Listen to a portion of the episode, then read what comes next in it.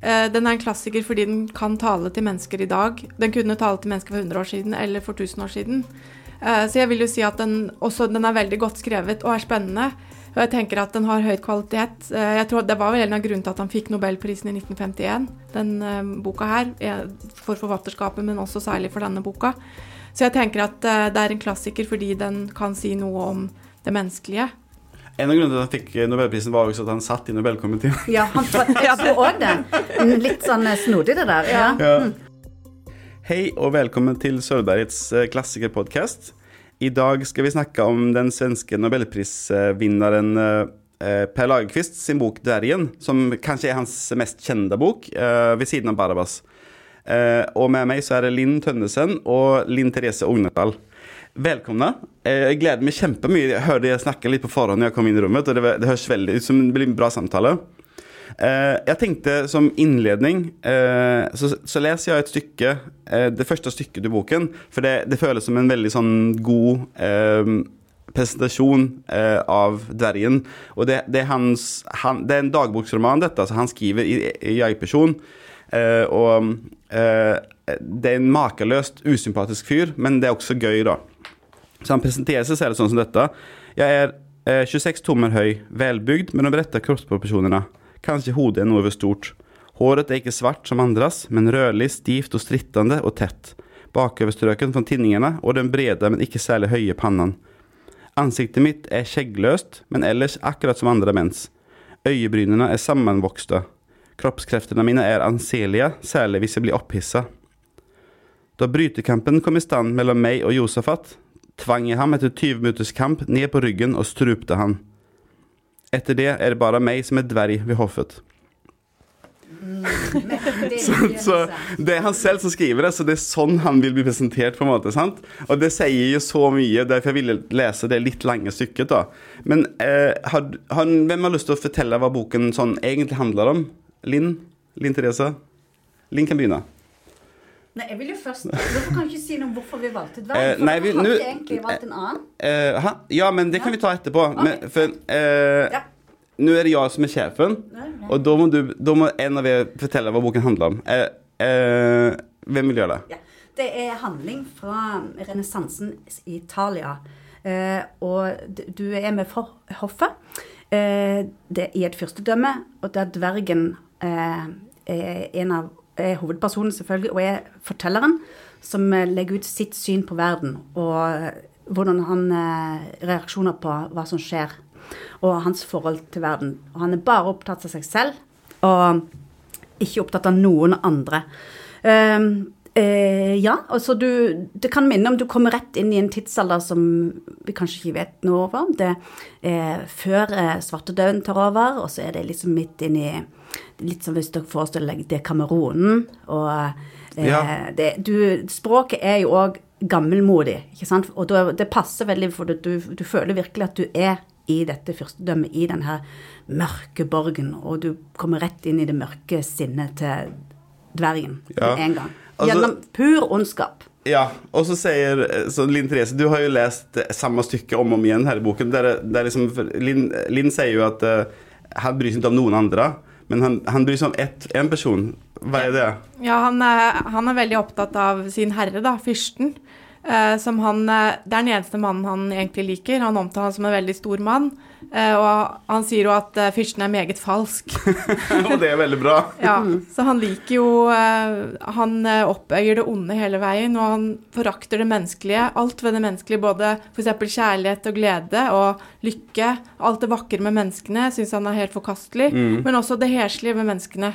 Det er mange beskrivelser av f.eks. andre fattige mennesker, og hvordan de lukter, og hvordan klærne deres er. Han har, han har helt, hele veien er det hans perspektiv og hvordan han ser på verden rundt med forakt. Mm. Um, og også at han, han, vil krigen. Han ønsker at det skal bli krig, og han hisser til krig. Og når først fyrsten bestemmer seg for at det skal bli krig, så, så er han eh, sånn overøst eh, eller kjempeglad. Ja, han sier sånn, han sier sånn Jeg ber til Gud, for jeg lengter så at det skal bli krig igjen. Det blir krig, for en velsignelse er det ikke for sjel og hjerte å få delta i en krig. Jeg har aldri vært så lykkelig. Jeg gleder meg som et barn. Det er liksom også at han får lov å bli med på krigen. Ja, han er jo ekstremt barnslig og ekstremt ondsinna, på en måte. Og smålig og Ja. Eh, Men også- han er jo en slags tjener, da. Men Ja. samtidig så det, Noe av det første vi får fortelle om, er jo at uh, han sier Jeg har hørt fortelle at vi dverger stammer fra en rase som er eldre enn den som nå befolker verden, og, vi er derfor, uh, og at vi derfor er gamle allerede når vi blir født. Jeg vet ikke om det er sant, men i tilfelle skulle vi være de opprinnelige skapningene. Altså, det, det er et rasesyn om at han er den perfekte rasen som bare gjennomsyrer hele romanen. Og det gjør at han, han, han er et overmenneske, fullstendig steingal og lite mottagelig for, for andre. Eh, og det at han vil heller ikke forplante seg, fordi han foretrekker at eh, for hans rase går videre uansett, men at det er menneskene som da føder. Ja, for han, han ser jo ikke på seg selv som en del av menneskerasen. Han, han mener jo at, eh, at han, dverger da er en annen type skapning, men at de fødes gjennom mennesker. Um, men også har han Vi skal jo ikke spoile eh, hva boken handler om, men det med at eh, førsten er falsk, får vi også bevis på etter hvert fremover i boken. Eh, og, det, og da blir han jo også eh, strålende lykkelig når når førsten viser sin, sin falskhet. Men vi snakker liksom om dvergen, om han er ond. Er, han ond, eller er han bare forsømma, eller liksom altså, Jeg har tenkt sånn er, altså, Det der med født sånn og blitt sånn Hvor eh, Ja. hvem, Hva er dvergen for en fyr? Linn Therese? Jeg har tenkt litt på det, fordi han skriver jo det at eh, dverger blir jo ofte satt bort når de blir født, for foreldrene vil jo ikke ha dem. Og da blir de gjerne plassert hos, i fyrstehoff som narrer eller som tjenere. Eh, så jeg tenker det her om ondskapen Han har jo aldri opplevd kjærlighet, og alltid blitt sett ned på og forakta av alle andre. Så man tenker noen ganger at det er det vilkårene rundt som har gjort at han er så ond. Ja. Eh, eller isolasjonen og ensomheten, og at han hele veien har sett på seg selv som annerledes eh, og utenfor alle andre. Eh, og så tenker jeg på det her med at eh, bare, bare ett- en person har han blitt elska, føler jeg, når jeg leste, og det, det var eh, fyrstens datter Angelica når hun var barn, som fulgte etter han hele tiden. Eh, og han syntes hun var en pest og en plage. Eh, og når hun, han observerte at hun var så glad i kattungen sin Skal ikke spoile for mye, men Det er ikke spoiler. Nei. Eh, Så mm, selv om den hengivenheten, og kanskje til og med kjærligheten som hun føler til han vergen, det vil ikke han ha noe av. Så han, eh, han tar eh, kattungen og halshogger kattungen foran øynene hennes. Eller kanskje i hvert fall Hun sover, det. Ja, hun sover. i sengen. Ja, i sengen, sånn at Mm. hun ser det neste dag. Så det er jo sånn eh, Det lille tilløpet til kjærlighet som han kanskje kunne ha fått, det avviser han på det liksom, eh, helt blankt. Ja. En sånn episode som er sånn veldig liten og uskyldig, eller uskyldig, men, men jeg følte det var så betegnende, det var når de faktisk er i felttog, da, når de er i krig, så, så um, Skal vi se her eh, Ja, han, jeg krøp skjelvende ned i halmen mellom kokken og den vemmelige stallknekten som lukter hest og alltid sparker meg om morgenen når han står opp for å strigle. Jeg vet ikke hvorfor. Han liker meg å sparke meg da, sier han. Så han, han liksom Han er vant med sånn på en måte eh, misbruk eller Og en annen ting han blir eh, Mesteren inviterer jo en sånn eh, Fyrsten inviterer en sånn malermester eller sånn renessansemann til, til hoffet. Og da og han vil tegne, male av dvergen, og da vil dvergen ikke være med på det, men han, de tvinger han til å ta- liksom, ta av ham naken. Ja, det er en forferdelig episode. Det, det, det, det er et soleklart overgrep. Og det vekker et uendelig hat av han. Ja. Han griper dolken sin. Altså han eh, Bernardino, som er en slags Leonardo da Vinci-malere eh, Han, eh, han eh, bare fått, Fyrsten gir han dvergen da, og så skal han få lov til å undersøke han. Og det Mm. er jo han, han Dvergen driver fram dolken sin og vil gå til angrep, men han er så liten. Han er liksom 66 cm høy, det er ganske Mm. lite. Og så bare Han blir behandla som et barn, da. ikke sant? Og kledd av og satt på en pidestall og studert eh, fra alle vinkler. Og det er jo Men det er jo, det er jo en annen episode òg, der han blir, han blir eh, døpt, da, for moro skyld.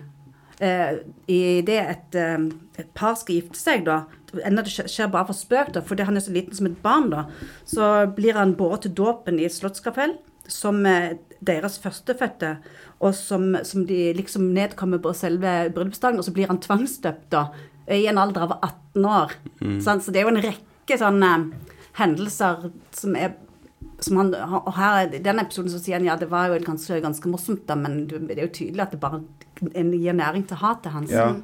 Jeg tenker også at all den fornedrelsen eller de onde eh, omstendighetene rundt, eller være kanskje man sier uvitende også, eller manglende kjærlighet også, kan ha gjort at han er sånn som han er. Men har han jeg tenkte, Når jeg leser sånn helhetlig, så tenker jeg sånn Han har jo valgt han har lik, Hvis han hadde valgt kjærligheten, så hadde de følelsene vært like sterke som hatet hans. Men han har ikke noe sjanse til å få den kjærligheten. Da velger han hatet med liv og lyst. For egentlig så virker det jo som han, han er Han kunne Han er jo veldig sjalu på førstinnen.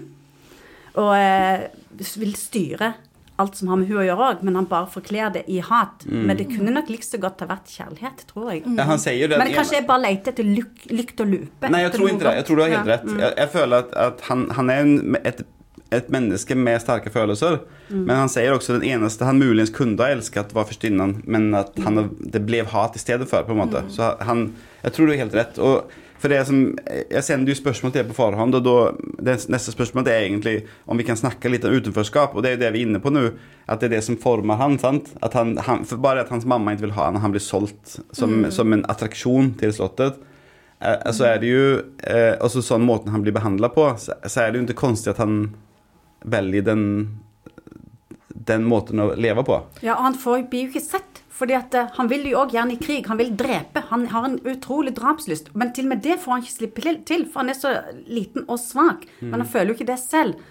Ja, så mm, Det jeg syns er interessant, det er med utenforskap, fordi det er hele veien hans perspektiv, og ofte blir det henvist til at han sitter eh, i dvergleiligheten sin og observerer de andre utenfra. Ja. Ovenfra, ovenfra gjerne. Eh, så det er hele veien den understreking av at han er utenfor alle de andre. Men eh, det jeg syns er litt interessant å snakke om, det er jo det her med det forholdet mellom fyrsten og dvergen. Fordi at det er ganske, jeg synes det er ganske uavklart og veldig sånn diffus kommunikasjon. For jeg tenker sånn eh, Vil egentlig fyrsten all den ondskapen som dvergen forårsaker, er det, ligger det underforstått, eller er det dvergen som misforstår? Det syns jeg er litt interessant. Jeg tror ikke han legger merke til det i veldig, veldig lang tid. Før eh, på slutten av boken. Altså, det virker jo så interessant, er ikke dvergen heller for uh, fyrsten. Han er til forlystelse, ikke sant? Så um, blir nesten som, blir som et, et husdyr, da. Men han, han, han, er jo også, han blir jo også brukt av fyrsten for å utføre oppgaver, og av fyrstinnen også. Eh, for, Fordi dette er jo et, en husholdning som er mer eller mindre uten kjærlighet. Altså, det er ingen nærhet. De, får et lite barn som egentlig lever sitt liv alene. Fyrstinnen eh, at Det får man vite veldig tidlig. Hun har elskere. Eh, fordi hun må jo ha nærhet, sant? og hun får ikke nærhet fra sine hva heter hun, sånne tjenestepiker.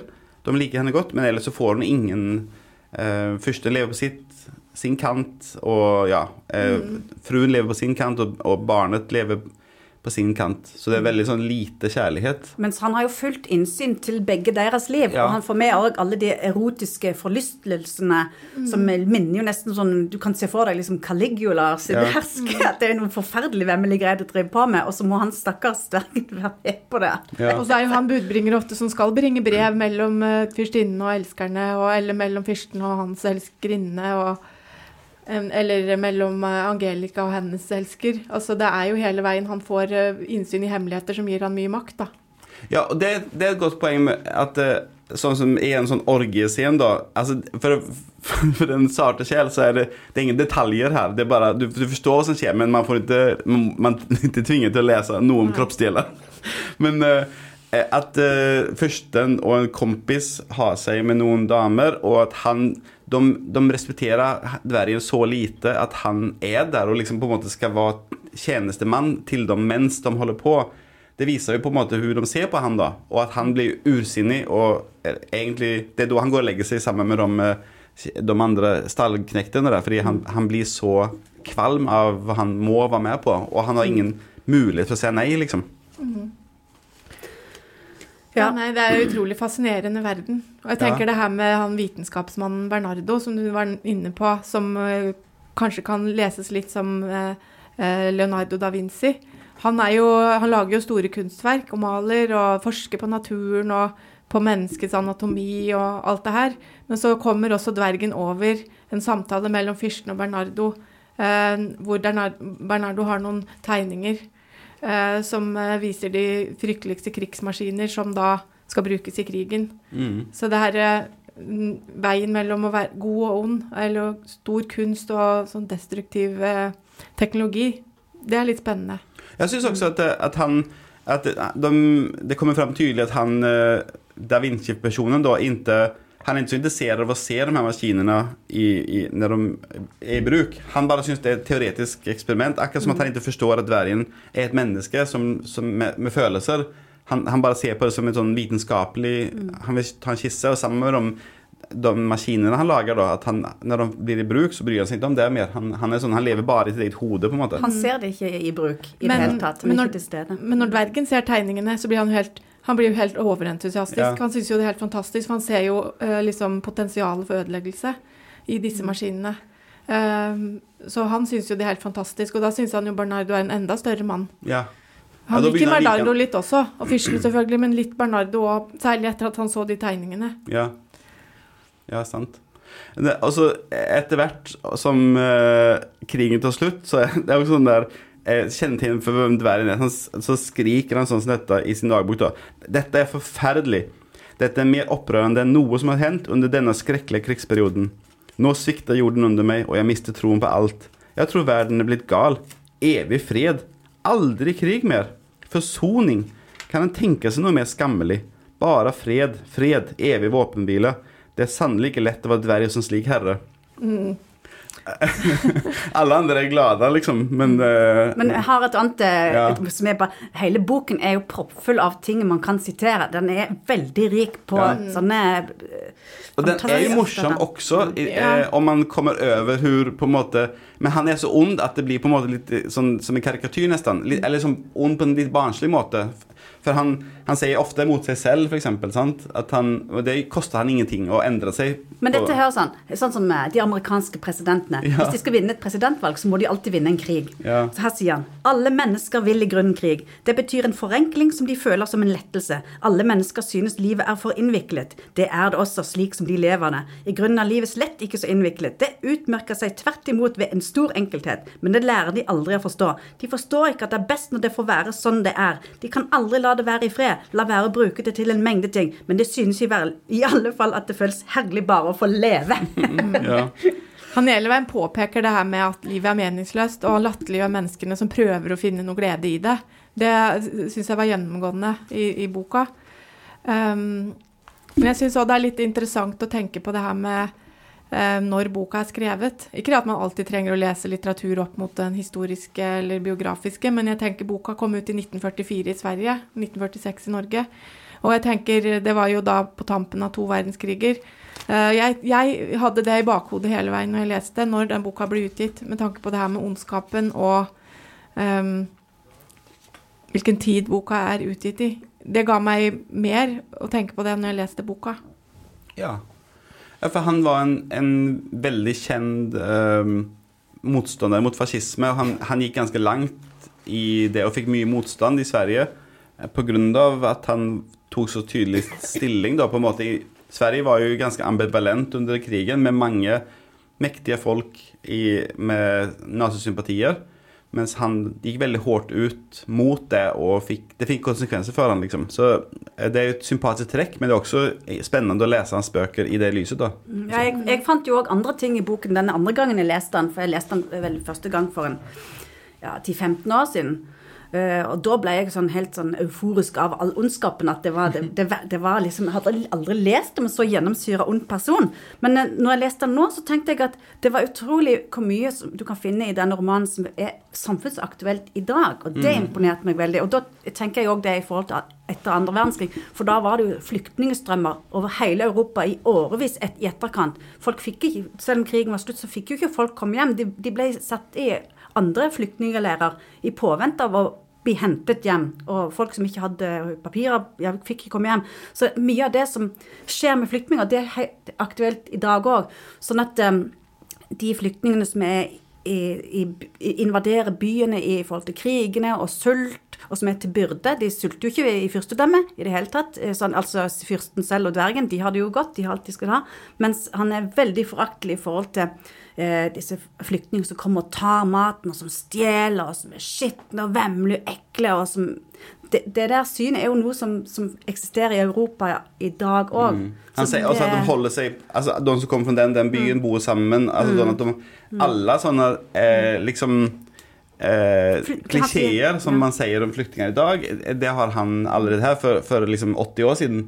Flyktninger blir mer og mer avskydd fordi de med rette betraktes som grunnen til matmangelen de er en byrde for den egentlige befolkningen. Trenger ikke lese mer enn det. Det, jo, det kommer jo mer og mer av det. Men, men det er Jeg fant så mye annet i den romanen ja. når jeg leste den denne gangen. Altså, jeg tenker at det er nettopp den tidløsheten som gjør den til en klassiker, da, hvis jeg mm. foregriper mm. litt det vi skulle snakke mm. om. Fordi jeg tenker at uh, den Selv om den, den er jo ganske detaljert uh, også når den beskriver krigshandlinger, de vemmeligste, forferdeligste krigshandlinger, uh, eller selve slagene, som kanskje da skjedde i middelalderen, antikken, i middelalderen, videre gjennom til første verdenskrig og andre verdenskrig, og videre fram til i dag og krigen i Ukraina eller man kan jo si alle krigene som har vært på 1900-tallet, den groteskheten har jo ikke, har ikke stoppa opp.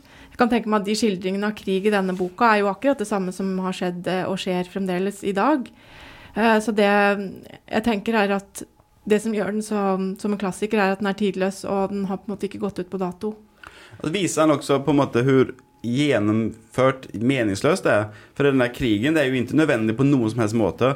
Det er en sånn idé som fyrsten får, mm. eh, og, så, og, så, liksom begynner han å leie inn folk, og så plutselig er det krig. Og det, det er ikke forårsaka av noe. Han har ikke blitt konfrontert av, av han nabokongen, da. Så det, det, er bare sånn, det er veldig bra beskrevet at, at, uh, at det er helt meningsløst, og så bare fisler det ut. Uh, og så, ja, ok. Og så, blir det, så bare har tusentalls mennesker dødd til ingen grunn. Uh, og, og så noen sånne scener når, når soldatene blir tvinget ut i vannet, som er veldig sånn grusomme om du lever inn i det. Mm. Og det tenker jeg, det her med, Hvis man skal lese denne boka og tenker kanskje å, er det gammelmodig språk, og den er fra 1944 og sånn, men jeg tenker sånn, nei, språket det er egentlig Jeg syns den var veldig lettlest. Det er ja. noen ord, noen fremmedord knytta til uh, uh, yrker eller skikker i middelalderen, uh, som man må kanskje google, men ellers er den utrolig lettlest. Ja, eh, det var noen sånne, sånne titler som jeg måtte mm. google, og det viser seg at oftest var militærledere eller noe lignende. Men, men, om man takler det, så er det ekstremt lettlest, syns jeg. Mm. Mm, den holder. Men det er en ting jeg har tenkt på når vi leser den.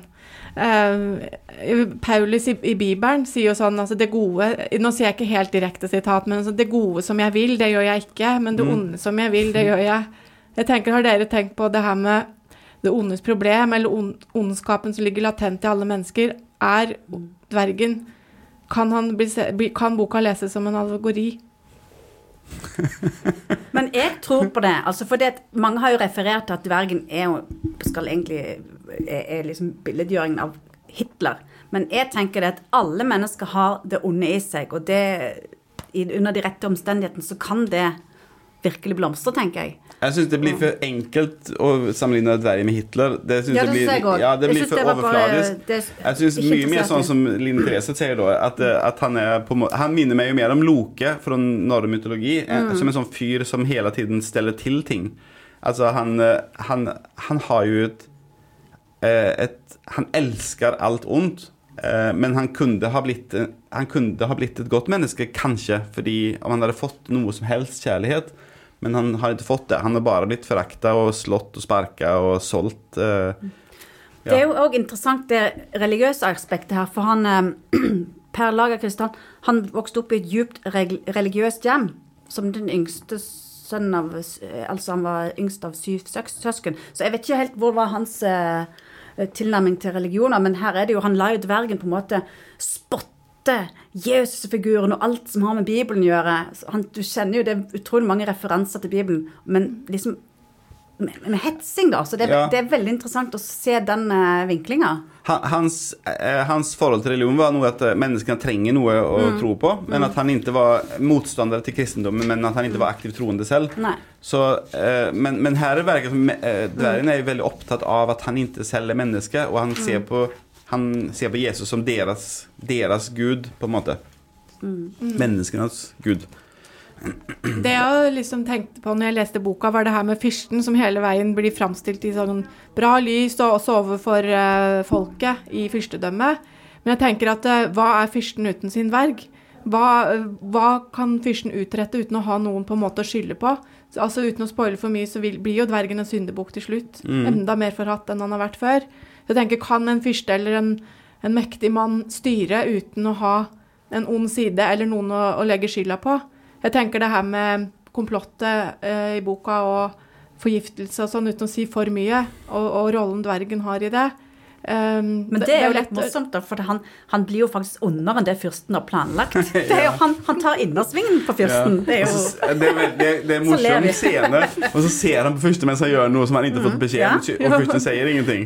Ja. Så det er en slags sånn stille, stillhet mellom dem, en sånn innforståtthet. Ja, at dette er greit, kanskje. men ingen andre vet om det. Ja. Eller så er det sånn at han gjør det, og så vet han at fyrsten ikke kan stoppe ham, for da da forteller jo fyrsten hva han egentlig har planlagt. Så han, det, det, vi får jo ikke vite hva som egentlig var Men jeg, boka får meg også til å tenke på faktisk eh, Bob Dylans sang 'Masters of War', med tanke på krigsherrer og hvem som egentlig kan sitte beskytta og lage tegninger over krigsmaskiner i palassene sine, mens hvem det er som egentlig utfører ondskapen, eller det som de blir beordra til å gjøre. Og hvordan fyrsten er beskytta eh, mot eh, det verste. Eh, og hvordan det er lett å skylde på alle andre. Og, og hvem som egentlig lider i krigene. Ja. Det er jo folket, og det er jo soldatene. Ja. Og jeg syns også det var veldig interessant det som du sa med at man har noen å skylde på. Sant? At, eh, at det alltid er noen eh, eh, En syndebukk.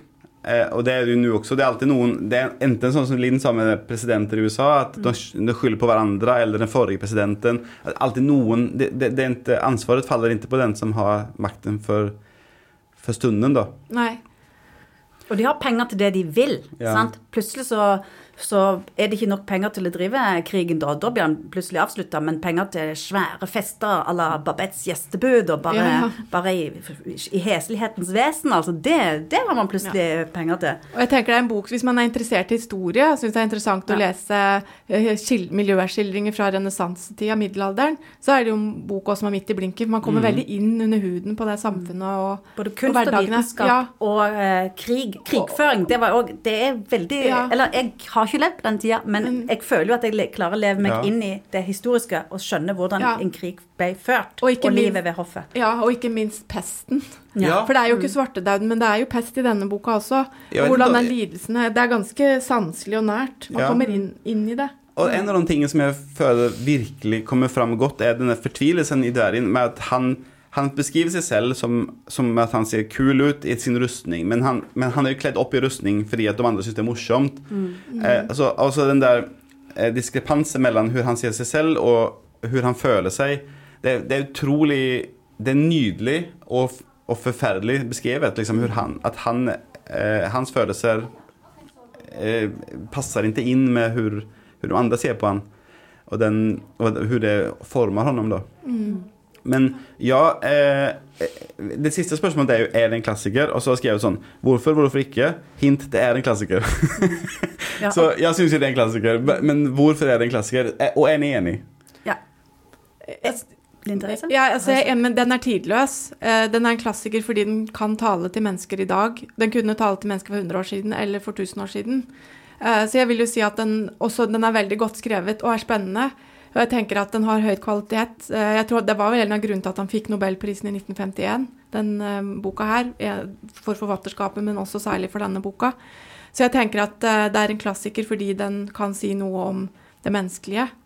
En av grunnene til at han fikk Nobelprisen, var også at han satt i Nobelkomiteen. Ja, han tror, jeg tror òg det. Litt sånn snodig, det der. Ja. Ja. Allerede fra 1940 til Ja. sin død i 1974. Ja. Ja. Hva syns du, på? Linn? Jeg, jeg var jo den som maste fram denne boka. For Ja, dere hadde, skulle Ja, det- jeg ja, har jo faktisk invitert meg selv inn i denne podkasten, for dere hadde planlagt å snakke om en annen bok. Ja. Og da, mitt første spørsmål var da Hæ? Hvorfor vil du eh, ha en podkast om den boken som dere til og med syntes var kjedelig? Ja. Også, jeg, jeg valgte den andre boken. Den heter 'Gjest hos virkeligheten', fordi jeg syns tittelen var så fin. Og så leste, ja, ja. leste jeg den, Linn Therese og Åsmund, og jeg bare Dette var uutholdelig kjedelig. Det føltes som å lese Emil uten Emil. Det er bare masse fattige folk som raver rundt uten å gjøre noe, liksom. Så sa, så sa jo jeg helt indignert Hæ? Hvorfor leser dere ikke 'Dvergen'? Det er jo verdens beste bok. Ja, er, og da den, snudde vi Og det var sånn, ja. i forhold til det var en klassiker, det, den leseropplevelsen man har da, den var så overveldende for meg at alle bøker jeg leste etter det, det Jeg hadde ikke sjans, så jeg prøvde å lese Barabas og eh, av samme forfatter, men det bare Jeg syns 'Dvergen' var så mektig. Mm. At, så det jeg gjorde det året Jeg, jeg trålte alle antikvariater og kjøpte alle utgavene av 'Dvergen' som jeg kunne få tak i, så ga jeg den til alle jeg kjente. Hele året. For jeg, jeg bare jeg, sånn, det, du, Den var så god at jeg måtte indoktrinere alle. Så det var en fantastisk følelse. Og den inn, den er liksom på ti på topplisten min av eh, bøker, for den, den er så mektig. Og da tenkte jeg det er jo dumt at man skal kaste bort en hel podkast på en bok som er kjedelig, når han har et hovedverk som er helt fantastisk. Så det jeg gjorde òg nå, for jeg, nå ble jeg ivrig igjen, da, da tok jeg og skrev en e-post til Gyldendal, som har eh, gitt ut eh, bøkene hans, da, om ikke dere de kunne eh, At det er vanskelig å få tak i pocketutgaven. Så nå har de sendt det videre i avdelingen, og de, de hadde ikke noen planer om det. Men det er jo et jubileum snart. Er det ikke noe jubileum? Ja, for I Sverige har alle, hans- alle hans bøker blitt Ja. ut, ut på ny nå. Men Eh, denne her er jo sånn en, et verk som alltid må være tilgjengelig. Så derfor er det en klassiker. Jeg vil bare takke deg for at du, at du reagerer på den måten. For nå har vi kost oss med denne boken, virkelig. Og vil, så vil jeg si til forsvaret til Barabas at jeg, jeg likte Barabas veldig godt også. Men jeg leste den jo for mange mange år siden, og så leste jeg Dvergen for første gangen nå. Så ja. Men kan jeg bare si én ting Ja. eh, som jeg har tenkt på når jeg leste? Det er det her med, med tittelen og det politisk korrekte og vår Mm. tid. Jeg tenker at den Jeg tror ikke den kunne vært skrevet sånn i dag, fordi det, her, Mm. det har med det med Jeg tenkte mye på det her med det å være annerledes, det der å være kortvokst. Jeg tenker at måten man snakka om mennesker som var annerledes i 1944 og i dag, Mm. det er et hav av forskjell. Så jeg tror nok at det er jo visse tider, sider ved boka som er utdatert også. Ja, altså til forsvar da vil jeg si at, at han, måten han skriver på, så utleverer han jo ikke han som kaller seg selv dvergen i boken. Altså han, er jo, han forklarer jo hvorfor han har blitt sånn, på en måte. Jeg, jeg føler at det, det blir det, det var lett for meg å lese likevel, selv om vi ikke ville ha snakket på den måten nå, kanskje. Men så, for min del så, så syns jeg at det, den hadde sikkert heta noe annet og vært skrevet på en annen måte, men boken kunne ha vært skrevet i dag med litt små forandringer. Ja. Fordi eh, Per Lagerkvist har veldig respekt for mennesker. eh, For han for- representerer jo ikke kortvokste eller dverger. Nei. Jo Det er, det, ond, det er mer ondskapen i Ja. mennesket. Altså, det, det må man forstå når man leser det. ja. Men jeg òg tenkte på det, at det, liksom, at det er kanskje derfor han Det er ikke for å stigmatisere en eh, eksisterer. de- ja. i, i som print on demand, liksom, i norsk utgave, at det er kanskje redd for at man skal få reaksjoner. Men jeg Ja. lurer på om det har vært noe jubileum, faktisk, fordi eh, den, alle hans eh, Per bøker har kommet ut i ny utgave i Sverige. Mm, nå eh, nettopp. nå nettopp. Så det kan godt være at det var et, eh, et uh, jubileum. Tusen takk for at ni ville snakke med meg om Dvergen. Takk for at du foresto Dvergen. Takk for at jeg fikk være med. Takk for at du var med, Tusen takk, ja. Tusen takk. Eh, velkommen tilbake neste gang. Det var til lytterne. Uhuh.